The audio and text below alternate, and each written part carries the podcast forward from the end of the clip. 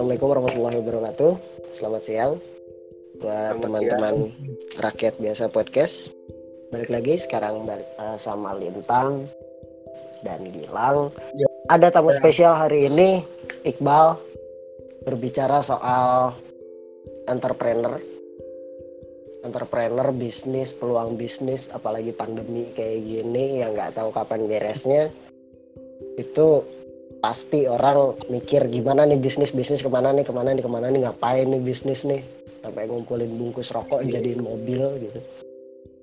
Tapi yang menarik di sini eh, kita ngobrolin pemanfaatan. Selain dari cuan kita juga pemanfaatan barang-barang bekas. Salah satunya adalah eh, toples bekas. Gimana dari toples bekas ini kita bisa dapat duit dari situ kita bisa dapat cuan dari situ. Dan ini bukan soal cuannya sebetulnya tapi ide bisnisnya. Ide. Ide bisnisnya betul. Nah eh, Gilang? Wait. silakan. Eh, apa? Eh, perkenalkan diri teman-teman yang di sana deh. Iya ya di sini perkenalin aja dah di sendiri Oke dah Ada di siapa sini aja? ada gua Muhammad Iqbal Fatur Rahman sebagai ya penyelenggara event webinarnya ya tentang entrepreneurship ini yang mengangkat tema tentang pemanfaatan toples bekas yaitu dengan metode budidaya semut rangrang. Hmm, Nah, di sini ada Gilang juga sebagai apa? Sebagai cadangan. Cadangan si kurip. Terus di sini ada yang lain juga nih. Kenalin aja. Ya, di sini ada gua juga Repa, megang mic ada Repa. gue sebagai partner Iqbal di sini. Iya. dan ada rekan gue juga. Padel. Gua Padel. Partner Iqbal juga. Hmm, jadi di sini Eh, kita berempat dengan protokol Kesehatan, kesehatan yang anjuran pemerintah kok. betul sekali. Memakai masker, cuci tangan dan memakai hand sanitizer. nah itu. Tepat sekali. Bagus bagus bagus. Eh, saya mau coba tanya dulu ke Reva. Reva? Oh iya, eh, Reva ini udah lama kenal sama semut rangrang? Eh kayaknya kalau kenal sama semut rangrang kalau dalam waktu ya mungkin lebih kenal ke Iqbalnya dulu ya. Tapi Baru by the way sih Repa katanya punya kenangan buruk sama semut rangrang katanya. ah waduh sama Sempet. wanita gitu Sempet waktu itu digigit jadinya digigit se- sakit sampai sekarang nih dia. digigit apanya tuh Itunya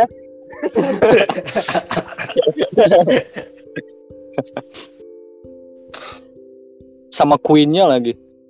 waduh Digigitnya sama Queennya. Queen semut rangrang. siap siap itu gimana Ah, maksudnya Reva mau PDKT sama semut rangrang atau gimana sama queennya semut rangrang Ya kalau ada kesempatan kenapa enggak? waduh Iya. semua Coba digarap aja ya? dulu. Iya. Oke oke oke. Ah. Nih gua- gua izin masuk. hujan? Oke. Gue izin masuk coba ke Iqbal. Oke, Iya, oke. Bang. Eh, dari dasarnya dulu deh. Kenapa keidean buat buat apa pemanfaatan si toples bekas ini? Oke. Yang pertama ada dua faktor ya. Kenapa faktor pendorong kenapa gua mau ngangkat si metode ini buat jadi alternatif gitu buat apa budidaya semut rangrang. Yang pertama itu gua kadang ngelihat di jalanan maupun itu di mana kadang petani semut rangrang itu kan ngambilinnya langsung dari alam ya. Di Ya. mana di alam itu ketika dia cara ngambilnya sampai proses pemanenannya dan ternyata gua lihat sih si kerotonya jadi jelek kalau misalnya dia proses pengambilannya dari alam karena kan dia dirojok-rojok gitu ya jadi si Nah, keroto ya. itu banyak pecah sehingga basi si keroto itu jadinya basah Nah, udah gitu faktor kedua eh itu kan yang pertama tuh. Terus kan namanya diambilin di alam terus lama kelamaan ntar bakal habis dong. Ya. Nah, lalu faktor keduanya itu sekarang itu di warung rata-rata toples nice dan lain sebagainya itu ketika sudah habis dagangannya pasti dibuang. Bahkan kalau misalnya nggak dibuang pun di kilo lah istilahnya gitu ke pengapul barang bekas. Nah kita sebagai milenial gitu kenapa sih nggak coba cari cara lagi buat manfaatin si toples itu jadi lebih ada maknanya gitu? Diapain kek? Oh ya. Nah, kebetulan pas nih cocok nih.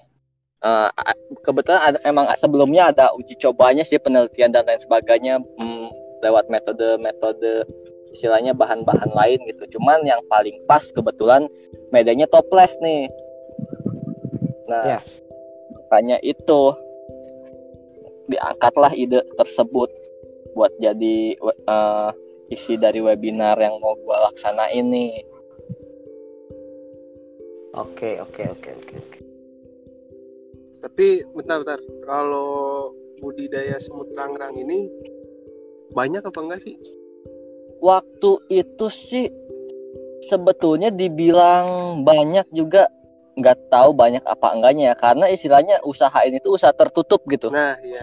nggak semua orang banyak tahu Ah, ditambah lagi karena memang butuh orang-orang yang benar-benar dia istilahnya kuat digigitin semut lah pada proses panennya langsung apa ya istilahnya memerlukan effort yang lebih juga gitu untuk Hmm. usaha ini tapi untuk hasil sih nggak usah ditanya lumayan lah kalaupun misalnya dia bisa mengembangkan usaha ini dengan bagus gitu Nah, Hmm. Lu kenapa sih milih buat eh, si wadah ini tuh malah jadi untuk si budidaya semut rangrang gitu? Yang pertama karena unik sih bro. Coba aja deh Oke. bayangin. Tapi- Unik kan budidaya semut rangrang tapi pakai toples. Jarang banget orang tahu dan jarang banget orang bisa kepikiran sampai ke situ ya kan. Iya, iya, iya, iya. Nah itu yang pertama. Terus yang kedua karena dari ber- semua juga berawal dari sebuah lamunan sih. Ketika ngelihat gua ngelihat sarang semut rangrang, dipikir-pikir bentuknya kayak gitu, kayak wadah begitu ya. Kenapa nggak diaplikasiin aja ke toples? Dan berhasil juga, bisa berhasil gitu.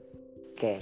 Oh iya mengenai risetnya itu lu berapa lama sih? Sebetulnya dari risetnya itu lumayan lama sih. So, ya, riset yang lakuin risetnya itu kebetulan om gua sempat pernah bikin buku juga walaupun itu buku sempat ditarik lagi. Selain dari toples doang nih, toples dan semut Mm-mm. rangrang. Itu ya, untuk budidaya tuh apalagi sih kayak butuh-butuh bahan-bahan lainnya atau gimana sih prosesnya? Coba lu ceritain. oh Ngerawat Iya, iya. ngerawat Boleh, boleh, semut itu ya. boleh boleh. Nah jadi si semut rangrang itu nggak cuma toples yang dibiarin gitu aja dong. Nah ada lagi medianya itu berupa rak semacam rak itu untuk menyusun si toples-toplesnya itu. Nah jangan lupa di setiap kaki-kaki rak itu disediain air. Kenapa? Karena supaya si semutnya enggak nyebar ke mana-mana. Kan nggak lucu dong ketika si rak itu lu biarin aja nempel langsung ke tembok otomatis kan si semut ke mana-mana kalau misalnya ntar dia nyebar ke rumah lu terus masuk ke kamar lu dan gimana itu juga kan malah ngeganggu gitu nah itu yang pertama tadi pertama jadi di setiap kaki-kaki rak itu disediain air supaya si, apa si semut gak ke mana-mana Ya. yang kedua untuk pemeliharaan ya namanya semut itu makanannya apa aja kan ya Hmm. Cuman paling enggak disediakan dalam satu rak itu dua piring air gula Air untuk gula. untuk meningkatkan si produksi telurnya kroto itu dan jangan lupa pakein misalnya ketika lu makan nih makan ayam otomatis kan ada sisa-sisa tulang bekasnya tuh Hmm. Nah, lu langsung taruhin aja di raknya itu. Kenapa? Karena kita tahu sendiri tulang itu ngandung banyak banget protein. Nah, di mana dari protein itu bisa jadi ngebus lah istilahnya produksi si telur. Begitu. Oke. Buat yang di dalam toplesnya itu ada apa aja? Nah, untuk yang di dalam toples nih sekarang gua ngomongin dari semut rang-rang ini ada beberapa fase sebetulnya yang pertama Ya. itu ada fase pejantan fase calon ratu dan fase si ratu. Jadi dari awal fase itu keluar namanya fase pejantan di mana yang mendominasi itu semut hitam bersayap. Nah itu pejantan tuh ciri-ciri pejantan tuh. Kemudian ada lagi calon ratu. Calon ratu itu bentuknya gede kayak tawon dia punya sayap juga. Cuman warnanya oranye kehijauan. Itu si calon ratu kemudian ketika setelah menjadi ratu dia bentuknya gede seperti semut tidak bersayap dan warnanya keorenan. Dan biasanya ketika sudah jadi ratu itu dalam satu toples dia eh, si semut-semut pekerja itu menggerumuni si ratu tersebut. Nah, ka- nah dan ini for your information sebetulnya semut pekerja itu 100% semua gendernya wanita.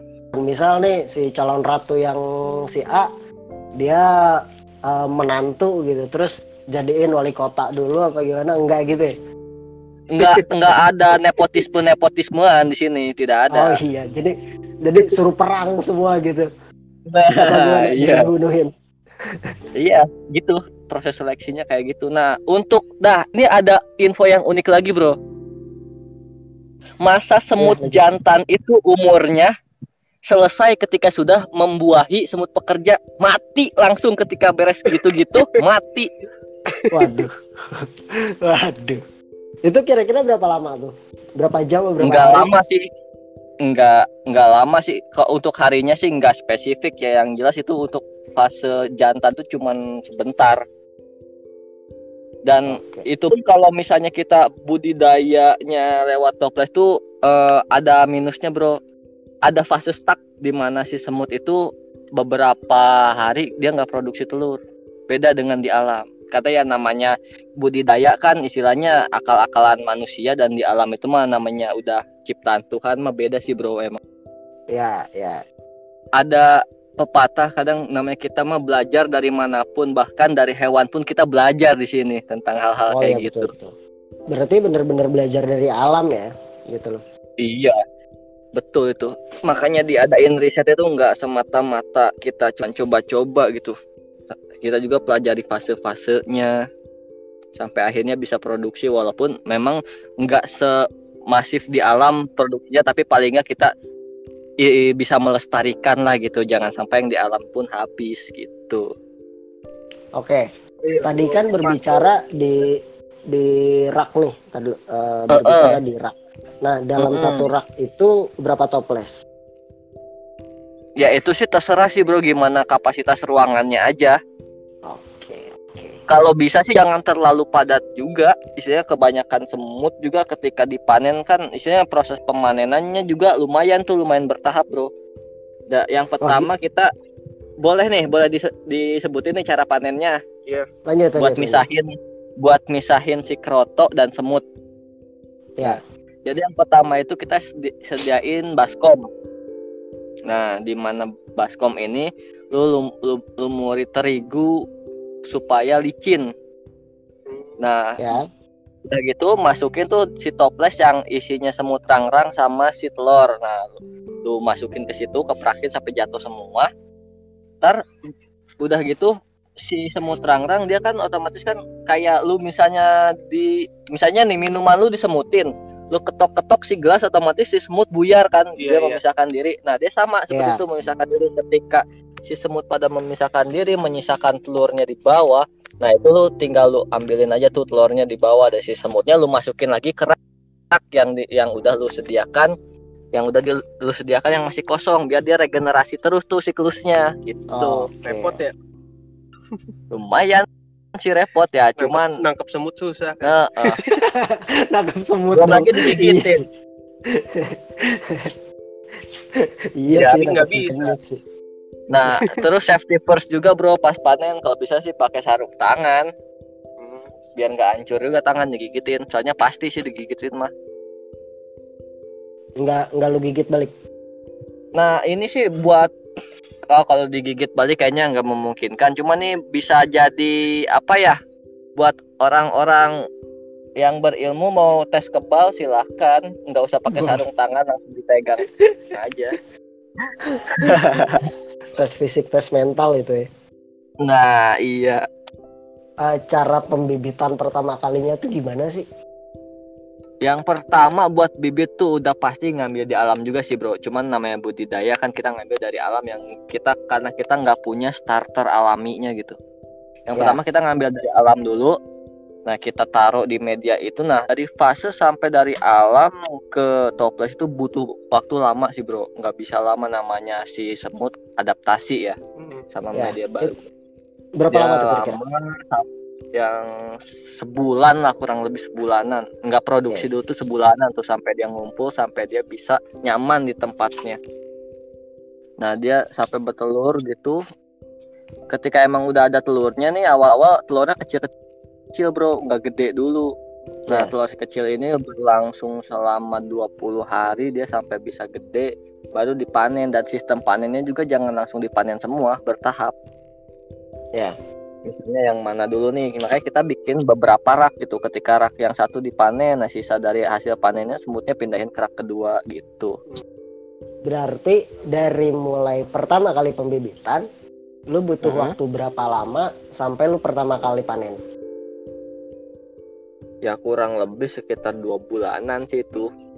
Itu Wow. pun istilahnya apa ya efektifnya gitu. Sampai bisa si siklusnya muter lagi karena kita nggak mau dong sekali panen masa nggak bisa like, ah, nggak bisa muter siklus lagi kan kita yang penting kan bisa muterin siklusnya itu Iya, gitu iya. Iya, iya. Itu juga telurnya nggak lu ambil semua kan karena ada yang perlu ditetesin juga gitu loh buat Kalau atau telur sih kalau telur nggak apa-apa langsung diambilin semua juga nggak Oke. apa-apa soalnya Oke. kan eh, tanpa ditetasi juga ketika emang dia fasenya di fase pejantan si, si betina dan si ratunya dibuahi lagi bro regenerasinya Oh. lewat situ tidak tidak menetas dan jadi banyak semutnya kan karena yang kita banyak tuh bukan memperbanyak si semutnya tapi memperbanyak kuantitas si telur gitu untuk dijual Oke. nah terus ini buat ngomongin pasar nih bro ngejualnya ke mana kali ya Boleh, masuk. Nah, waktu dulu sih ya, ketika di pemancingan-pemancingan masih dilegalkan pemakai kroto, itu tuh di pemancingan-pemancingan laku banget bro. Apalagi dengan kroto yang kualitasnya bagus, kering gitu. Gue nggak tahu kenapa itu barang jadi haram di pemancingan. Waduh. Dengar usut punya usut sih katanya ketika emang lu pakai kroto, lu mancing nggak bakal nggak dapet bro. pasti dapat apalagi Pasti mancing keributan jadi Wah. ketika ada rame-rame lu lempar aja setoples isi semut rang-rang enggak enggak itu itu itu bercanda sih bercanda bercanda nah itu sih bro katanya makanya itu si keroto nggak boleh lagi dipakai di pemancingan pemancingan nah Oke. tapi ada kabar gembira bro Apa nah tuh? sekarang itu di Indonesia banyak dong kicau mania Iya. Iya kan lagi Iya. booming banget tuh kontes-kontes burung sampai hadiahnya eman. Nggak logis dah kadang hadiahnya mobil. Nah itu tuh buat membikin si burung kicaunya bagus pakai keroto. Nah makanya itu keroto sekarang diburu banget oleh pecinta burung bro. Gitu. Tapi legal kok buat burung. Legal kalau burung itu legal. Malah katanya bagus ya buat burung. bagus. Bagus. Kalau kalau umur semut itu berapa lagi kalau semut rang-rang yang pekerja tuh umurnya lama gua nggak bisa nyebutin Hmm. umur ya karena umur itu di tangan Tuhan iya Siap. yang jelas masanya lama masa masa masa dia tuh lama yang paling sebentar tuh fasenya pejantan dia umurnya seti- set- setelah membuahi ya mati mati mati Said ya. Heeh. Iya. Si Ratu kalau si Ratu itu berapa si lama? ratu fasenya Masa si ratu masa ini ya masa Jabatan. apa? Masa bukan, jabatannya ketika dia Masa jabatan. sudah akhir aja istilahnya sudah produksi telurnya sudah melemah nah itu dia pasti ada penser lengser. Kira-kira berapa kali produksi telur tuh dia? untuk produksinya mas setiap hari itu Oh, pasti dia produksi telur. Kalau misalnya udah ada ratu tuh itu udah mantep banget tuh buat panen. Seneng lah istilahnya petani-petani keroto yang budidaya ketika sudah ada ratu Eh, kita coba estimasiin hari deh ya. dari si Mm-mm. pejantan ke calon ratu dan dari calon ratu ke ratu itu kira-kira jaraknya berapa hari berapa hari sih? Dari yang gua perhatiin sih sekitar 15 harian. Oke. 15 hari per fase apa gimana tuh? per fase. Cuman itu juga nggak nentu. Karena kan Hmm. istilahnya ada faktor-faktor X yang menentukan itu mulai dari suhu, cuaca itu kan Ya. ngaruh banget. Udah gitu belum lagi ada predator-predator misalnya ketika emang kucing masuk ke situ kan nggak ada kerjaan banget. Udah gitu yang lain-lain seperti itu sih. Itu juga kan ngeganggu ketika kucing masuk di situ ngacak-ngacak kan tingkat stres si semutnya juga terganggu. Uh, ada ruangan tersendiri ya yang memang Nah, kalau kalau bisa sih tertutup. Betul, betul. Jadi biar uh, proses produksinya juga nggak keganggu sama yang lain gitu. ada lagi teknik teknik keduanya kalau ketika emang kita nggak mau di rak ya kita bisa combine bro. Dari paket toples ini sama kita combine yang di alam. Jadi ketika emang lu punya pohon yang ada semut rang-rangnya lu tempelin aja si si toples itu di ranting-ranting pohonnya bro. Jadi lu nggak butuh bikin rak dan lain sebagainya. Bisa juga begitu. Dan itu bisa produksinya lebih banyak ketimbang kita pakai rak serius Hmm, karena kan Hmm. dia kita nggak ngerusak nggak nggak ngerusak ininya ya apa ekosistemnya dia masih di alam cuman kita tambahin aja tuh si toples-toples itu sebagai medianya gitu itu bisa juga Oh, untuk untuk jadi tempat sarangnya dia gitu ya. Mm-mm. Oh ya, eh, lu lu kenapa sih pengen ngasih tahu orang-orang kalau Mm-mm. lu tuh bisa orang-orang ini tuh bisa budidaya semut rangrang bisa budidaya si keroto ini di toples sih? yang jelas sih namanya kita punya ilmunya ya kan ada pepatah ketika apa sebaik-baik orang itu yang bermanfaat untuk orang lain ya gue pengen ilmu gue bermanfaat aja sih bro buat sesama gitu. Gue mah ngebagi-bagiin ilmu ya gratis aja gitu. Namanya gue juga dapat ilmu dari Tuhan. Itu yang pertama dalam rangka berbagi ilmu. Yang kedua gue pengen nyelamatin populasi semut-semut yang ada di alam gitu. Walaupun walaupun emang semut itu istilahnya populasinya unlimited tapi buk nyatanya bisa punah bro semut tuh. Contohnya Ya. ada tujuh semut yang hampir punah versi on the spot berarti semut bisa punah kan itu bro Ya, ya. jangan sampai anak cucu kita nggak digigit semut nggak tahu semut nah iya papa papa itu apa? itu namanya semut nah. Mm-mm. kan ntar aneh gitu kalau nanti semut nggak ada lagi gitu Oke, jadi selain dari memang uh, coba memutarkan cuan gitu loh, coba cari cuan, coba membagi ilmu, ini juga jadi sebagai langkah peduli terhadap lingkungan ya. Jadi uh, Iya, bro, toples-toples pasti. plastik nggak nggak sembarangan dibuang gitu, masih bisa dimanfaatkan kembali. Eh, Bal, ya Iqbal, ya ya Iqbal udah budidaya berapa lama? Waktu itu sih sempat berjalan hampir dua tahun Dua tahun. Sejak Iya. kapan tuh? sejak negara api menyerang eh enggak sih Oke. sejak sebelum pandemi sih yang jelas itu ketika tahun 2000 sekitar 2018 sampai sekarang sih gue makainya malah teknik yang gua tempelin aja si ininya di pohon gitu karena Iya. emang kebetulan tempat gua sekarang udah istilahnya gua ada usaha baru nah jadi si semut ini gua alihin pakai media gua combine sama yang di alamnya gitu. toples itu tuh toples buat si sarangnya itu diapain aja sih sebetulnya di apakah di, Oh, iya. dilobangin apa ditutupin doang Betul. Ini yang paling penting juga bro. Jadi si toples tuh nggak semata-mata polosan aja gitu ditempelin. Yang Ya. jelas itu toples harus dilobangin dan lu bikin dalamnya semacam kayak jaring laba-laba bro. Soalnya dia ntar si semut akan membentuk jaring juga. Jangan salah, semut bisa bikin jaring loh. Ya, ya. Nah, di mana si jaring itu untuk menyimpan telurnya. Jadi supaya si telurnya nggak jatuh gitu. Karena kan ketika cuman toples polos aja gitu, dia buat naik aja mungkin licin ya kan. Makanya dibikinkan untuk kayak semacam jaring laba-laba begitu pakai benang aja, pakai benang ini, benang wall bisa.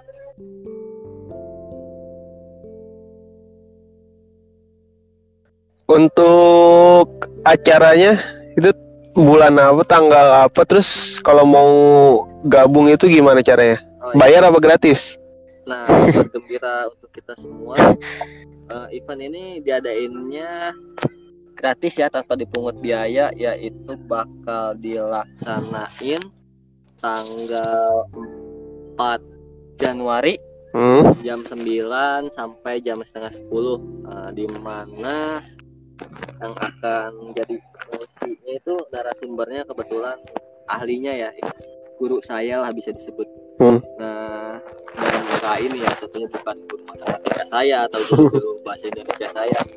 Nah itu nanti bakal live via Zoom. Untuk link Zoom nanti akan dibikinkan schedule-nya.